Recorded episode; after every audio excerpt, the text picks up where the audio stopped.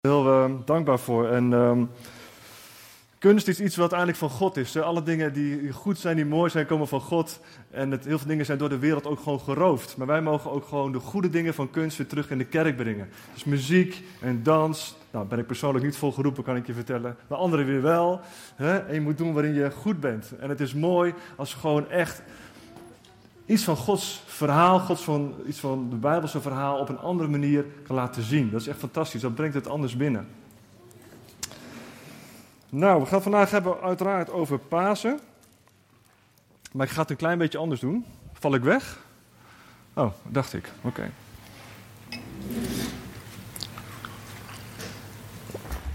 Ik, um, ik ga eigenlijk een beetje de Bijbelse lijn naar Pasen toe een beetje volgen. Vanaf Genesis, door de Bijbel heen, eigenlijk richting de paasviering in de Bijbel toe. Dus eigenlijk het verhaal achter paas. En natuurlijk gaan we ook het paasverhaal vandaag deels een beetje lezen. Maar ik wil vooral uitleggen waarom paas überhaupt bestaat. Waarom vieren we dit feest? En wat is nou het belang van dit feest? En het belangrijkste wat ik je eigenlijk wil laten zien vandaag is... Wat is nou Gods hart achter dit plan. Paulus noemt het de dwaasheid van het kruis. En als je goed kijkt naar het paasverhaal, dan kun je ook denken van ja, het is best wel bloederig. Ik weet niet of je wel eens de Passion of the Christ hebt gezien. Nou, uh, ja, dat is best wel heftig. Hoe het allemaal ging met, met die geestelingen en, en, en Jezus die gekruisigd werd met die spijkers door zijn handen en door zijn voeten heen. En het is gewoon afschuwelijk. En Paulus zegt zelfs het dwaasheid van de kruis. Maar er zit natuurlijk een plan achter. Er zit een plan achter, er zit een, idee achter en er zit een, is een reden voor. En waarom het nou per se zo gruwelijk moest, ja, daar heb ik ook niet echt een antwoord op. Maar ik wil je wel laten zien wat het hart van God is. Waarom vieren wij vandaag de dag nog steeds Pasen? En waarom is dat zo'n 6000 jaar geleden al voorzegd? na de eerste zondeval, direct met Adam en Eva, kwam God eigenlijk al met een, met een profetische woorden dat dit zou gaan gebeuren. Hij kwam gelijk met een oplossing. En uh, we beginnen eigenlijk gewoon het begin van de Bijbel, Genesis 2, vers 15, en Genesis 3, vers 15 ook, of 16. En uh, Adam en Eva zijn in het paradijs en Adam en Eva zijn gemaakt perfect. Echt precies zoals God ze wilde hebben, zonder zonde, zonder een rugzakje, zonder moeilijke omstandigheden. Het was echt perfect. Ze hadden een goddelijke natuur. Ze hadden deel aan de goddelijke natuur. de Bijbel zegt ook, God heeft Adam en Eva bijna goddelijk gemaakt. En God zegt in de, in de Genesis ook, um, hij heeft de mens gemaakt en dat hij heel erg op ons lijkt, zegt God. De twee keer, de mens lijkt heel erg op hem, of op ons, zegt hij eigenlijk. Nou, dan komt de vijand, de Satan, in de vorm van een, eh, van een slang. En hij begint gelijk met leugens vertellen. Hij vertelt een hele leugen en hij vertelt een halve leugen. De hele leugen is, je zal niet sterven. En de halve leugen is, je zal aan God gelijk zijn, wetende goed en kwaad. Nou, dat deel is waar, want voordat Adam en Eva gezondigd hadden, was er eigenlijk geen kennis van goed en kwaad. Er was alleen kennis van goed. En na de zonde, nadat ze verleid waren, wisten Adam en Eva van goed en kwaad. Helaas. En de halve leugen is, je zal niet sterven. Um, Adam en Eva vielen niet direct dood neer toen ze gezondigd hadden, toen ze in de leugen getrapt waren. De vijand vroeg, de Satan vroeg, door middel van de slang, God heeft zeker gezegd dat je van geen enkele boom mag eten. Hij begint met twijfel te zaaien. Nee, zegt Eva, mogen van alle bomen eten, behalve die ene. Alle bomen, behalve die ene. En de Satan zegt, je zal niet sterven. Het is, je zal wel sterven, alleen niet gelijk fysiek. Wat er gebeurd is, het karakter, de goddelijke uh, wezen wat eigenlijk in ons was, de, de goddelijke natuur die we eigenlijk soort van hadden, de perfecte staat, dat stierf direct af nadat wij, nadat Adam en Eva gezondigd hadden. We waren gelijk ontaard. Zoals we hier nu met z'n allen zitten, zijn we ontaard aan hoe het ooit was. Ooit was het echt perfect. We, we konden een hele intieme relatie met God hebben. We hadden geen zondige natuur. We zaten niet vast aan onreinheid, aan dood, aan ziektes, aan alles wat er maar op deze wereld is. We waren daar vrij van. Het bestond niet eens. Maar op het moment dat Adam en Eva zondigden, veranderde er iets van binnen. Zij stierven eigenlijk van binnen. Een goddelijke natuur, het deel waarom wij zo op God leken, stierf direct. En later werd het ook een fysieke dood. Nou, maar God heeft altijd een plan klaar. God heeft altijd een nieuw plan. En hij zegt het ook gelijk. En daar kunnen we ook heel veel van leren hoe God tegen zonde of zondige dingen in ons leven spreekt. Hij gaat je niet veroordelen, hij gaat geen donderpreek houden. Hij spreekt het aan, hij wijst het aan, van dit was niet goed, maar hij komt gelijk met een oplossing. En hij zegt daar, de vrouw en jij en al jullie nakomelingen zullen vijanden zijn. En één van de nakomelingen zal jouw kop verbrijzelen en jij zult zijn hiel verbrijzelen. De vrouw en jij zullen vijanden zijn. Wij zijn vijanden van de Satan en zijn gevallen engelen.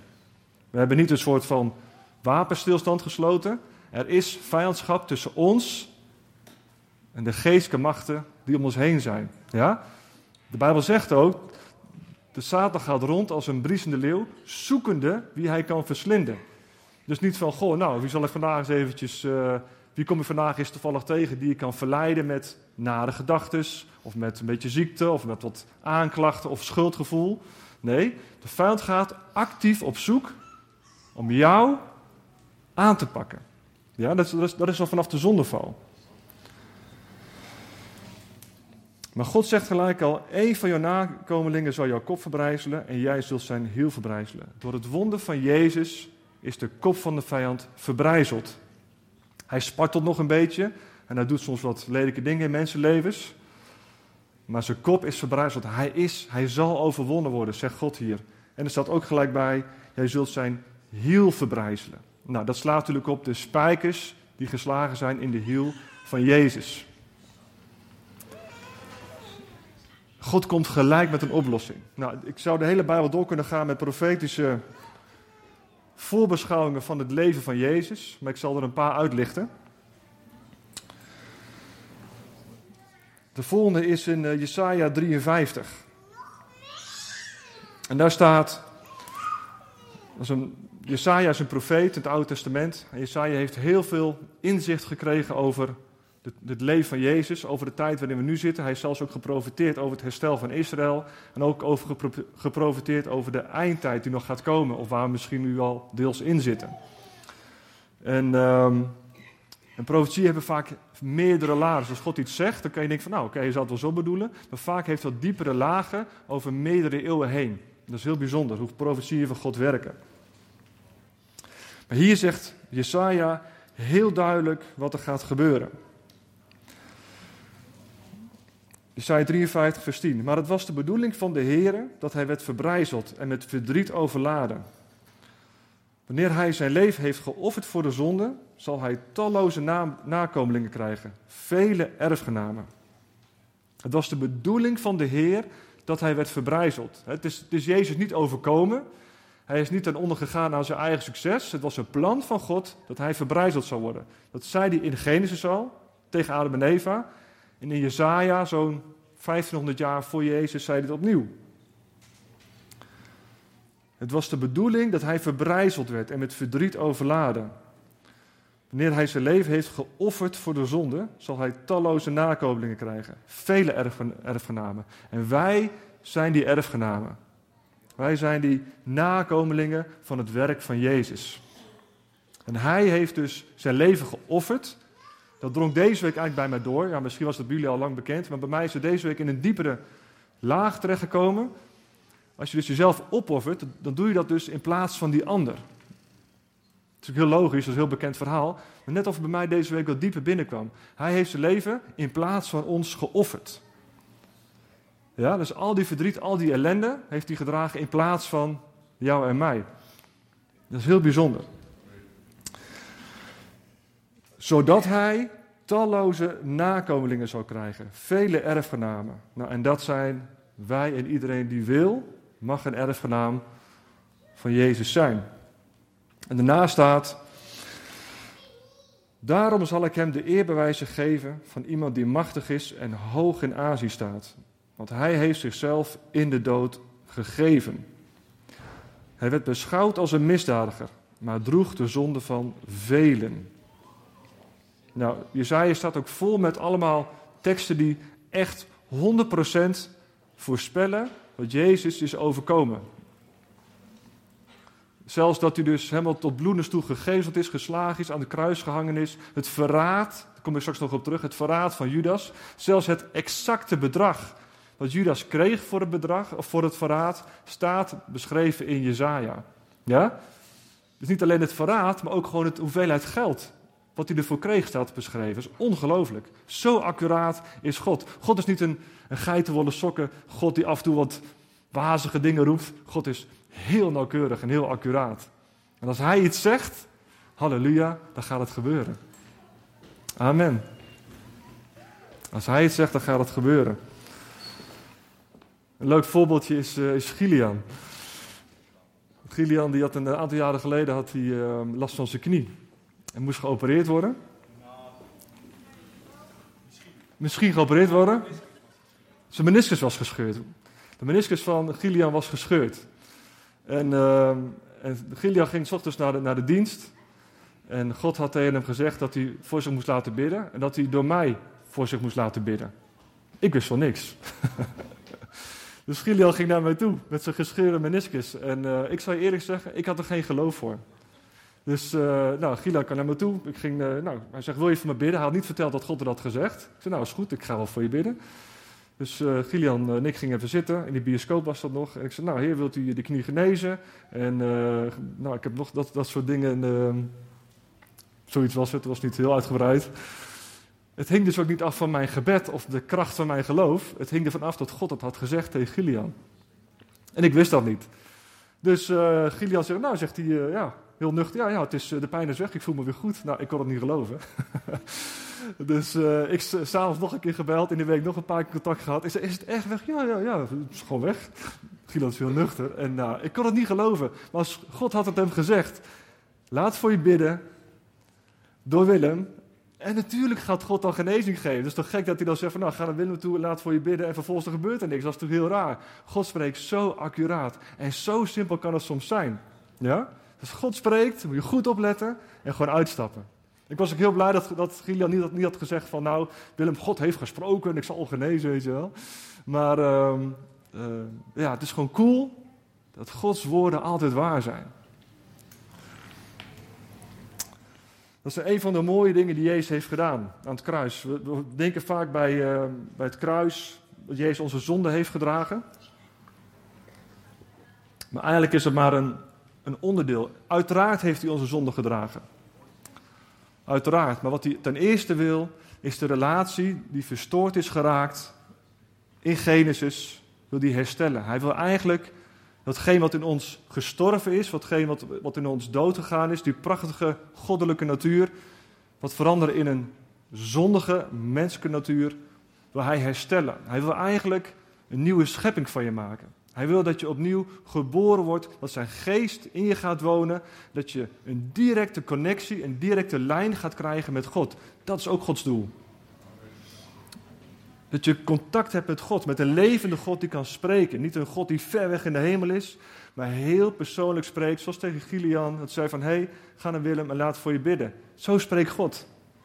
Zo spreekt God. En hij kan op alle vlakken van je leven kan die spreken. En dat is Gods een van Gods hoofddoelen ook geweest. Niet alleen de zonde. Nou goed, je bent nu gered, je zonden zijn vergeven, nu heb je een plekje in de hemel. Nee, hij wil de relatie herstellen.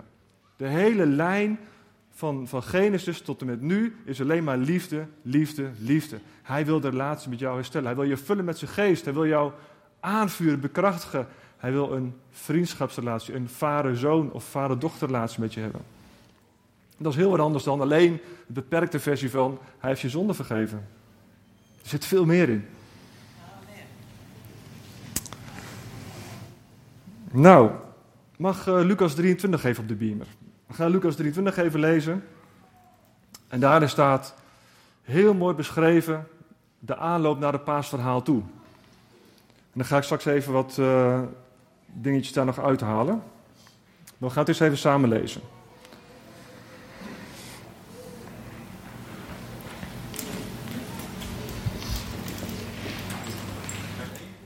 Um, weet ik zo niet. Zet hem maar aan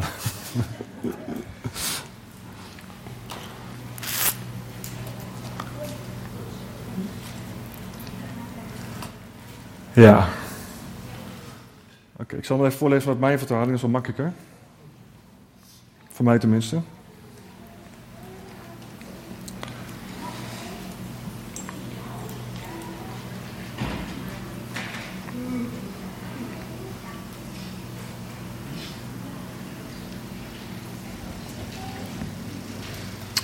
Even kijken.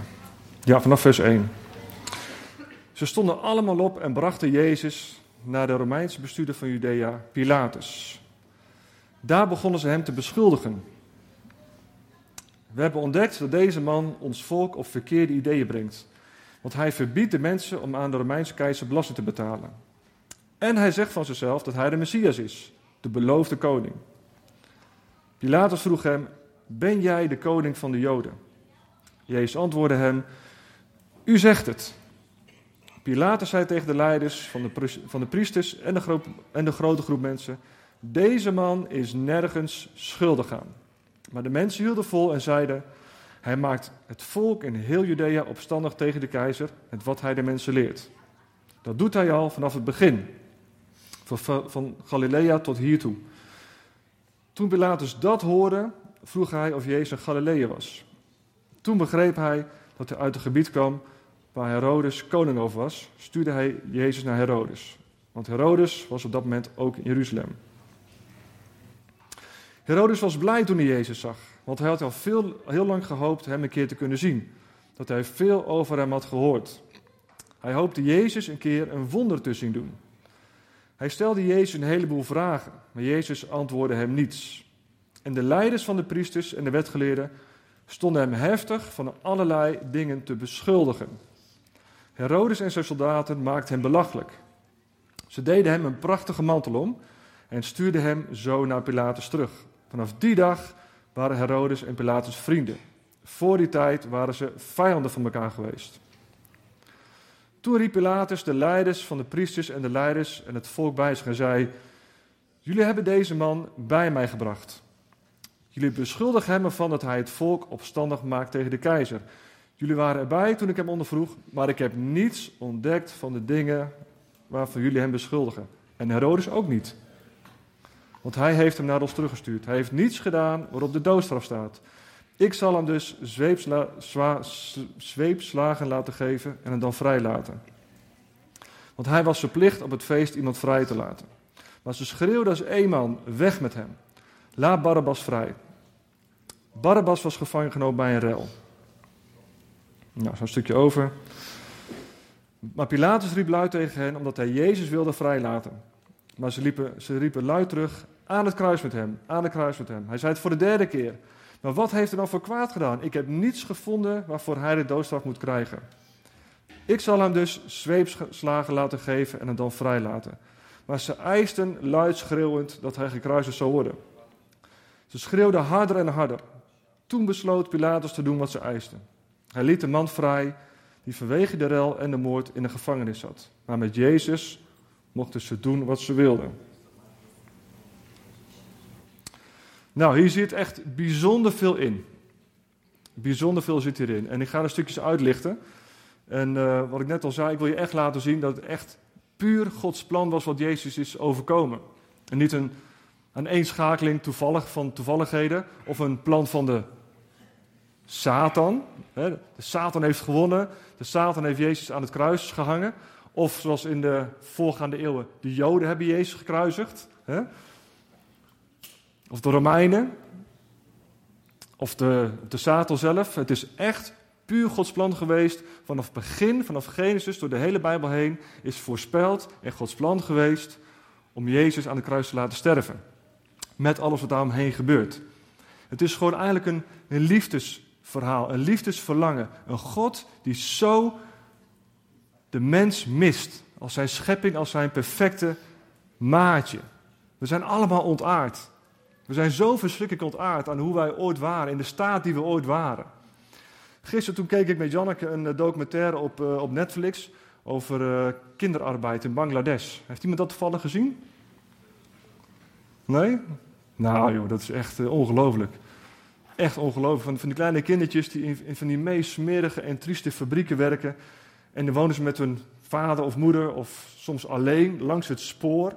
Kilometers langs het spoor, maar van, van, die, van, die, van die hutjes. Om de tien minuten komt zo'n trein voorbij gereden, moet ze allemaal aan de kant springen. En er worden ook regelmatig ook mensen doodgereden. Nou, het is, als je dat ziet, het leven van die mensen is één grote bende. Ze leven ook in één grote bende. Het hele land is gewoon onder het juk van demonische machten die die mensen echt vasthoudt om het licht, om het leven met Jezus te zien. Die cultuur, dat geloof wat ze daar hebben, de vijand die daar een grip heeft, het is één grote baggerellende. Dat is echt niet normaal. Allemaal van die kleine kindjes die gewoon van die chemische fabrieken werken. Nou, en dat is ongelooflijk. Ja? Die mensen zijn totaal ontaard aan de staat waarin God ons woord heeft gemaakt. Hij heeft niet bedoeld dat wij in van die, van die stinkende fabrieken, in van die, van die hutjes zouden leven. Echt niet. Maar ook in je eigen leven, dichterbij. Kijk maar naar je eigen leven. En de dingen waar je zelf aan vastzit. De dingen die je overkomen zijn. Dingen die je anderen hebt aangedaan. Dingen waar je mee worstelt. Ziekte, gezondheid, bepaalde gedachten, aanklachten. Wat je ook in je leven speelt, het is niet zo bedoeld. God heeft dat echt niet zo bedoeld. Hij heeft bedoeld dat je als een, als een koning met hem zou heersen. Dat gaan we straks zo doen, dat spreekt de Bijbel ook over. Als we straks zijn overleden, gestorven, dan gaan we naar Jezus toe, of hij komt ons ophalen. Dan zullen we als koningen met hem regeren. En de engelen zullen ons dienen. Dat zijn dienende geesten. Ja, dus in de staat hoe, hoe wij nu zijn, heeft God nooit bedoeld. hij heeft een oplossing. Hij wil dat je je leven aan hem geeft. Hij wil de relatie met jou herstellen. Hij wil je vullen met zijn Heilige Geest. Dat je een connectie met hem hebt. Dat er iets opnieuw zichtbaar is van hoe het in het paradijs was. Een connectie met de Hemelse Vader. En dan mogen we af en toe mogen we een glimp zien van die heerlijkheid. Als we gaan bidden voor de mensen, worden mensen bevrijd. Ja, want we hebben te maken met de vijand die ons vast wil houden. Als we gaan bidden, dan worden mensen soms genezen. Het zijn allemaal glimpen van de eeuwigheid, van de heerlijkheid die over ons zal komen. En soms worden we in onze ziel geraakt, dan maakt God iets los. Wat al jaren daar zit, aan pijn, aan verdriet, aan ellende. Waar je vast zit, zijn glimpen, afspiegelingen van de eeuwigheid.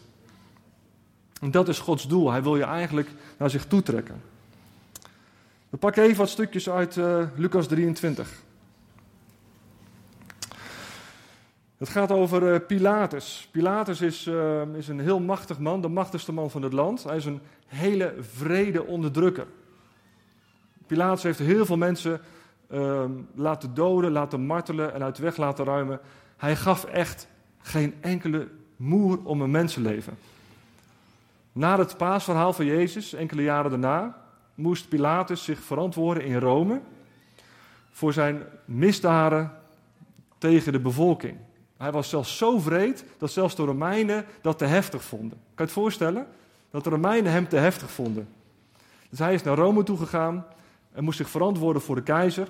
En um, zeer waarschijnlijk heeft hij daar in afwachting van zijn proces, heeft hij zelfmoord gepleegd. Dus over die Pilatus spreken wij eigenlijk. En deze Pilatus, die zegt tot diverse keren probeert hij Jezus vrij te laten. Dus een man die eigenlijk nergens om geeft, een man die eigenlijk niks van mensenlevens geeft, die probeert Jezus vrij te laten. Ten eerste, waarom probeert hij dat? Wat geeft hij om het leven van Jezus? En ten tweede, waarom lukt het hem niet? Hij heeft allemaal soldaten, zwaar bewapend, goed getraind. Hij hoeft maar één bevel te geven. En al die joden die daar staan te schreeuwen, die worden gewoon gelijk met het zwaard kapotgeslagen. Dat, dat maakt hem niks uit. Maar hij probeert Jezus vrij te krijgen. Ik zal gewoon even wat teksten teruglezen. Pilatus zei tegen de leiders van de priesters en de grote groep mensen: Deze man is nergens schuldig aan. Hij ziet gewoon een onschuldig mens voor zich. Vervolgens denkt Pilatus van, nou weet je wat, dan stuur ik Jezus wel naar Herodes. Dan gaat Herodes maar met, de, met deze Jezus dealen en dan ben ik er mooi vanaf. Dus hij stuurt Jezus naar Herodes toe en Herodes en Pilatus zijn vijanden van elkaar. Die leven in vijandschap. En Herodes vindt het prachtig, de laatste het ook. Herodes hoopt uiteindelijk dat Jezus een wonder gaat doen. Maar ook zelfs Herodes, wat ook best een vrede eh, koning is. En volgens mij is dat dezelfde Herodes die al die kindertjes heeft laten vermoorden. Dus zo'n lievertje was het niet. Ook Herodes ziet geen schuld in Jezus en hij stuurt hem weer terug naar Pilatus. Weer terug bij Pilatus, dan zegt Pilatus opnieuw: Hij heeft niets gedaan waarop de doodstraf staat. Ik zal hem dus zweepslagen laten geven en hem dan vrijlaten. Dus opnieuw zegt hij: Ik zie niks verkeerds in deze man. Ik zal hem even laten gezelen. Nou, dat was ook geen pretje. En dan zal ik hem vrijlaten. Hij probeert het opnieuw. Dan gebeurt er nog iets. In de nacht voorafgaand heeft zijn vrouw, Claudia, heeft een droom gehad over Jezus. En hier staat, terwijl Pilatus daar zo zat om over Jezus recht te spreken, kreeg hij bericht van zijn vrouw. Ze liet hem weten, bemoei je niet met deze onschuldige man. Want ik heb vannacht in een droom veel verdriet om hem gehad. Hij wordt zelfs gewaarschuwd door zijn vrouw, laat deze man met rust. Maar de leiders van de priesters en de leiders van het volk stookten de mensen op. Hij probeert het weer. Hij probeert hem weer vrij te laten. Hij krijgt het niet voor elkaar. Vervolgens. Maar, Paulus, of, maar Pilatus riep luid tegen hen. Dus hij begon echt tegen de mede te schreeuwen. Hij, hij riep luid tegen hen dat hij Jezus wilde vrijlaten. Maar ze riepen terug. Aan het kruis met hem. Aan het kruis met hem. Hij zei voor de derde keer: maar wat heeft hij dan voor kwaad gedaan? Ik heb niets gevonden waarvoor hij de doodstraf moest krijgen. Ik zal hem dus zweepslagen laten geven en het dan vrijlaten. Maar ze eisten luid schreeuwen dat hij gekruisigd zou worden. Ze schreeuwden harder en harder. En toen besloot Pilatus te doen wat ze eisten. Hij liet hem man vrij, die vanwege de rel en moord gevangenis zat. Maar Jezus mocht ze doen wat, wat hij wilde. Hier zie je ook echt het plan van God. Jezus moest en zou gekruisigd worden en te sterven voor onze zonde, bevrijding, genezing, relatie met God. God wilde direct die relatie herstellen. Dat is in Jezus ook gebeurd. Nou, wat ik net al zei, zelfs in Jeremia, Jeremia 30 staat voorspeld dat Judas hem zou verraden.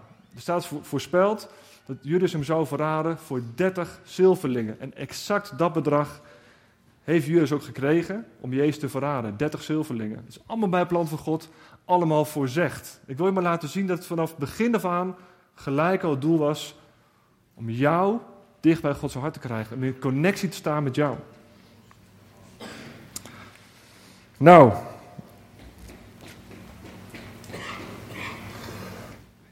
Na zijn dood, na de dood van Jezus, zijn er ook heel veel bijzondere dingen gebeurd. En eentje staat ook in Matthäus 27. Na de dood van Jezus is het voorhangsel in, het, in de tempel, dat is een heel groot gordijn, nou, een meters hoog gordijn. Die is van boven naar beneden is die opengescheurd. Op het moment dat hij stierf, dat hij zijn leven gaf aan God, scheurde dat voorhangsel in de tempel in twee stukken. En er kwam een grote aardbeving. En wat gebeurde er tijdens die grote aardbeving? Wie weet dat? De doden stonden op, ja. De doden stonden op. Heb je dat wel, dat wel eens goed gelezen wat daar staat? Ongelooflijk. Ja? Er zijn zoveel wonderen gebeurd rondom het lijden en sterren van Jezus. Dat is ongelooflijk. Ik zal het voorlezen. Matthäus 27. Op dat moment scheurde het gordijn in de tempel van boven naar beneden in tweeën. De aarde beefde en de rotsen scheurden. De graven gingen open en veel gestorven gelovigen werden weer levend. Moet je je voorstellen, ongelooflijk. Gewoon een aardbeving, de, de, de, de, de rotsen die scheuren, de graven gaan open en dode mensen komen tot leven. Die lopen gewoon weer rond. Die lopen gewoon weer rond. En ze kwamen uit de graven. En nadat Jezus uit de dood was opgestaan, gingen ze naar de heilige stad Jeruzalem. Heel veel mensen hebben hen gezien. Ja? Dus op het moment dat, ze dus, dat Jezus in het graf lag, zijn ze daar kennelijk op die plek blijven rondlopen. Nou, ik weet niet of je daar een beeld bij hebt. Die mensen waren vroeger ook begraven van, van, van, van die linnen kleden, weet je, allemaal van die gewaden. Ik denk dat het daar, ik zou me kapot gestrookt zijn. Ik denk dat die mensen echt in totale shock waren toen die graven open gingen en al die lijken naar buiten kwamen lopen. Ja? Van die mummies, weet je wel. Dus van, van, van hele slechte tv-serie zie je het wel. Maar van die mensen die van die mummies, van die, van die linnen dingen, die komen zo in één keer naar buiten toe. En ze blijven allemaal rond de plek rondlopen waar ze dus zijn opgestaan. En nadat Jezus opgestaan, ging die hele club, ja, een soort van, ja, soort van mummificeerde mensen, ging die hele groep ging naar Jeruzalem. Wat een puinhoop, jongens, wat een puinhoop. Allemaal in het plan van God, allemaal om te laten zien, de man die nu gekruist is, is niet zomaar iemand, gewoon een random misdadiger. Hij is de zoon van God, die zijn heerlijkheid heeft afgelegd, die gestorven is. Ook in zijn binnenste, ook in zijn wezen is hij gestorven, zoals wij, ontaard, in de dood gaan en uit zijn eigen kracht, uit de scheppingskracht van God weer opgestaan. Met als doel om jou en mij te verzoenen met God. Dat is het wonder van Pasen. Hij wil een intieme relatie met jou. Hij wil echt zich connecten met jou. En hier en daar mogen we ook genieten van een vet wonder. Amen. Hij zegt van de wonderen. Wij geloven dat God nog steeds dezelfde is. En we weten, er is veel lijden. We gaan niet alles oplossen. Hé, hey, maar elk wonder is er één. En elke bevrijding, elke macht van de dood die uit jouw leven weggaat, die jou aanklaagt, die het leven zuur maakt, die eruit gaat, is er één. En wij gaan ervoor. Wij mogen genieten van wat God in ons leven heeft gedaan, wat God voor ons heeft betekend. Ik wil je gewoon een stukje laten zien van het, van het plan van God vanaf de Genesis tot en met nu. Dat je denkt van ja, er zijn zoveel woorden, zoveel teksten te vinden over de, die voorspellen wat God gaat doen, wat God heeft gedaan. Dat is niet zomaar toevallig. En het wonder van Pasen is zo rijk. Zo rijk. En op deze aarde kunnen wij maar een glimp begrijpen van wat er allemaal precies gebeurd is. Wat het echte diepe effect is. Maar je mag weten dat je gewoon op dit moment of straks ook, de rest van je leven, echt een diepe connectie mag maken met God. Je mag weer relatie hebben, verbinding hebben met God de Vader. Zoals het ooit bedoeld was. In ons sterfelijke, ontaarde staat van zijn mag er een gouden lijntje naar de hemel lopen. Waarin liefde stroomt, waarin genade stroomt, waarin acceptatie stroomt. Waarin stroomt, waarin zegt, je bent genoeg. Je voldoet. Je hoeft nergens aan te voldoen. Halleluja. Dat is het wonder van Pasen. Jezus heeft dat gedaan. Jezus heeft al die beproevingen doorstaan, zegt de Bijbel ook, met het oog wat hij zou gaan bereiken. Jezus was heel doelgericht. Jezus kwam niet naar de aarde en dacht van, nou ja, goh, laat ik eens even kijken wat ik uh, hier kan doen. Jezus had een taak, heel doelgericht. En de vreugde die voor hem lag, heeft hij al die angsten, al die pijn overwonnen. En die vreugde is dat hij vele erfgenamen zou maken. Vele kinderen zou maken. Hij heeft de vijand vernietigd. De vijand die spartelt nog een beetje en die doet af en toe een beetje moeilijk. Maar de erfenis is, zoals jij hier nou zit. Daarvoor heeft hij het gedaan. En uh, dat is het wonder van Pasen. En laten we niet vergeten om de kracht van Pasen elk jaar, misschien wel elke dienst, regelmatig echt te blijven herhalen. Het is niet zomaar een mooi poëtisch verhaal van het komt goed, het komt goed. Ja, het komt goed. Maar het komt goed in Jezus. En deze aarde mogen we met elkaar als familie optrekken, elkaar steunen, ook met elkaar genieten van elkaar, maar allemaal met een lijntje met God.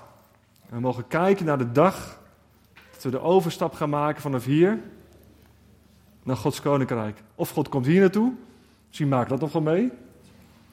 Wie zal het zeggen? Of wij gaan daar naartoe. Maar in geval, er komt een moment dat we echt op onze bestemming zullen komen. Dat je, waarvoor je gemaakt bent, die meest intieme relatie, het zijn bij God, dat gaan we meemaken. Ik kijk er wel eens naar uit. Ik voel me af en toe wel eens een beetje een, een vreemde op deze aarde. Heb je dat ook? Als ik het nieuws wel eens lees, als ik alle dingen, de dingen zo om me heen lees, zoals die serie van gisteravond ook, die van man. Dan zijn we toch in beland. Hè? Dan zijn we toch in beland. En God helpt daar ook om. Ik had deze week liep ik in het bos. Ik loop graag in het bos. En uh, toen was ik me ook voorbereid op deze preek. En toen liet mij God mij ook een beeld zien. Hij liet mij een, een beeld zien van, van, van hoe hij naar deze aarde keek. En uh, deze aarde heeft God eigenlijk bedoeld als een tuin. Een tuin voor zijn kinderen. En wij zijn zijn kinderen. Een tuin waarin we mogen genieten. Waarin we mogen leven. Ik zag een plaatje van een, van een man, een persoon die op zijn knieën lag met zijn armen wijd. En die persoon was echt aan het huilen. Echt heel hard aan het huilen. En dat was een beeld van God. Die, God helpt om zijn schepping. God huilt om zijn schepselen. Wist je dat? Al die dingen die je meemaakt in je leven, al die dingen die gebeuren, God huilt daarom. Daarom heeft hij Jezus ook gestuurd van, ik wil verlossing van mijn kinderen. Ik wil mijn kinderen vrijkopen van de macht van dood en ellende. Ik wil ze perspectief geven op het nieuws. Die zal maar langs die spoorweg wonen in Bangladesh. Ja? was een man die, die woonde al 30, 40 jaar. In zo'n zo slophut. Dan heb je toch geen perspectief. Wat heb je dan nog op deze aarde? Maar er is een nieuw perspectief. En voor die man op deze aarde is er ook een perspectief. Als iemand hem vertelt over Jezus. En dat is vaak moeilijk in die landen. Er is altijd een weg naar boven. Altijd een weg die kant op. Maar God helpt om zijn schepping. Waar je mee zit in je leven, God helpt met je mee. Je hoeft niet alleen te lijden. En je mag weten dat er een Heilige Geest is die in je woont en die spreekt. Die kan je heel persoonlijk en precies kan die je leiden. Dat is met de knie van Gilian. Heel persoonlijk, heel precies. Ga naar die en die toe. Laat voor je bidden. En zo leidt God zijn kinderen. Hij laat ons niet als wezen achter, heeft Jezus gezegd. Hij laat ons niet zomaar achter van, nou, goh, ik heb aan het kruis gehangen en uh, zoek hem maar lekker uit. Nee, hij stort zijn heilige geest in je uit, zodat je een direct lijntje hebt met, met, met God. En dat is het goede nieuws van Pasen. We zijn niet verweest, we zijn niet alleen. We hebben Gods heilige geest in ons. Amen? Alrighty. Goed.